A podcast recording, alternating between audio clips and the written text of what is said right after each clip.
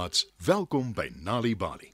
Vanaand se storie Wendy en die waantjie is geskryf deur Michaela Joy Brown. Skuif nader en spits julle oortjies. Die groot dag het aangebreek. Die dag waarop die waantjie resies gehou word. Al die kinders in die buurt ding te mekaar mee met hulle waantjies. 'n Klein soort karretjie met vier wiele wat aan 'n donkiekar herinner. Dis my gunsteling tyd van die jaar. Ek wil so graag die resies wen, maar ek weet nie of ek dit sal regkry nie. sê Wendy toe mamma haar hare kam en vasbind. Wat ook al gebeur, onthou, jy is sterker as wat jy dink. Antwoord mamma en sy soen Wendy op haar voorkop. Ek sal, mamma. Antwoord Wendy. Sy eet haar ontbytpap, trek haar gunsteling tekkies aan, groet haar mamma en draf by die voordeur uit. Sy wil nie laat wees vir die resies nie. Sy en haar spanmaat ding mee teen 5 ander spanne. Elke span bestaan uit 2 maats. Een stoot die waantjie en die ander een sit daarin. En die span wat die waantjie die vinnigste stoot en eerste by die wenpaal aankom, wen. Die resies vind plaas in die straat waar Wendy bly en dis tydelik gesluit vir verkeer.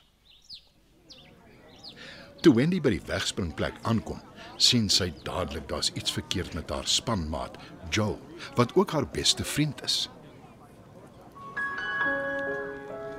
Ek is jammer, Wendy. Ek het op my skoenveters getrap en geval. My enkel is te seer, ek sal nie kan hardloop nie. sê Joel hartseer. Hy is die een wat die waantjie stoot en Wendy sit daarin. Sy het nog nooit die waantjie gestoot nie en sy's nie seker of sy dit sal kan doen nie. Jy sal nooit in der ewigheid die waantjie kan stoot nie, Wendy.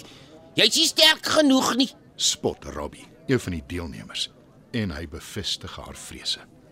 Robbie is altyd lelik met haar. Wendy is na aan trane. Maar toe onthou sy mamma se woorde Jy is sterker as wat jy dink, Wendy. en dadelik voel sy beter en sterker. Ek gooi nie so maklik tou op nie. Sal die waantjie stoot, Joel. sê Wendy. Joel klim in die waantjie en hy en Wendy wag by die wegspringplek saam met die ander spanne waar oom Henry reg staan met 'n rooi vlag. Op julle merke. Gereed. Gaan! Roep oom Henry en hy waai die vlag. Wendy stoot hulle waantjie met al haar mag. Haar oë is op die wenstreep en sy is heel voor. Sy gaan beslis wen. Maar toe, skielik, voel die waantjie baie swaarder en sy sukkel om dit verder te stoot. Wat gaan aan? Wat is verkeerd? roep Wendy en toe sien sy dit. Een van die waantjie se vier wiele het afgeval. Ag nee. Hoe gaan ek dit regkry om 'n stikkende waantjie te stoot? sê sy moedeloos. Die ander deelnemers ry verby haar en nou is sy heel agter. Wendy wil tou opgooi, maar weer hoor sy haar mamma se woorde. Jy is sterker as wat jy dink, Wendy.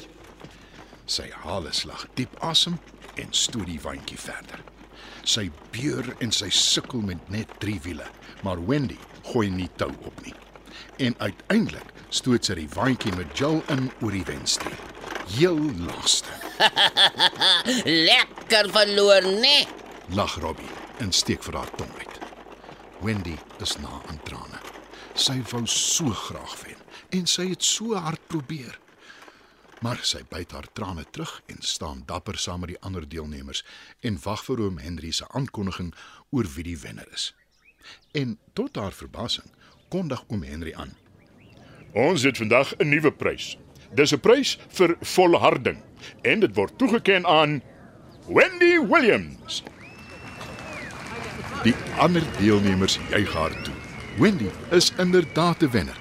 Sy het nou wel nie die eerste plek behaal in die waantjie resies nie, maar sy het wel geleer dat om in jouself te glo die heel beste beloning is. En die buurt sal nooit vergeet hoe 'n dapper Wendy Williams 'n stikkende waantjie oor die wenstreep gestoot het nie. Dit was nog 'n Nali Bali storie. Wendy en die waantjie is geskryf deur Michaela Joy Brown. Die storie is aangebied deur die Nali Bali Leesvergenot Veldtog in samewerking met Standard Bank en SABC Education. Mamma en haar dogter is saam met ouma in die kombuis.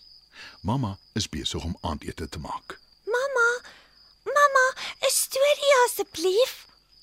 Die kind vra so mooi jy kan nie juis nee sê nie. Vertel haar hoekom die maan kleiner word, dan help ek so lank met die aandete. Sy hou baie van die storie. Nou goed.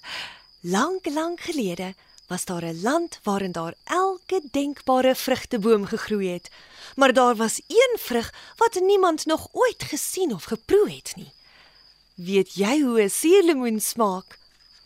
Ja, sis. Baie suur. Dit maak nie saak hoe, waar of wanneer jy stories met jou kinders deel nie, solank almal dit geniet. Om saam te lees as gesin help kinders om beter te presteer op skool. Daar is gratis NaliBali stories beskikbaar in jou eie taal op ons webwerf www.nalibali.org of stuur die woord stories per WhatsApp na 0600 4422 54. NaliBali. Dit begin met 'n storie.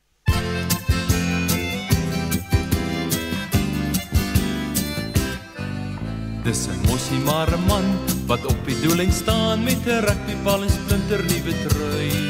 Dis die ou hoed van die huis wat uithaal en wat wys hy's die ene wat die punte kry. Hy's die onder 9 held. Sy paas langs die veld om te kyk of hy sy man kan staan. En sy ma het net vir ingevalle pleister in haar sak. Die rugby maak haar sene wees gedaan. Drie hoera's vir die mossie span. Die onder 9 mannetjies, die junior kammetjies, drie hoera's vir die mossie span wat die rugby taal verstaan.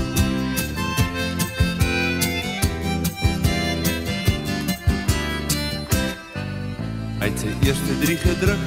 Meneer is in sy skik en die skare kan homself nie keer. Hy korrel om te skop. Hy voel sy hart galop. Dis dis in die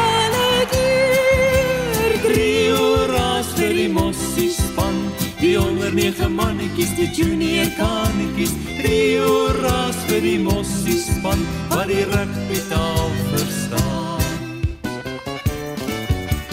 Drie hoera's vir die mossie span. Die onder nege mannetjies, die junior kanetjies. Drie hoera's vir die mossie span Wat die rugby taal verstaan. wat die rugby taal verstaan. Wat die rugby taal verstaan.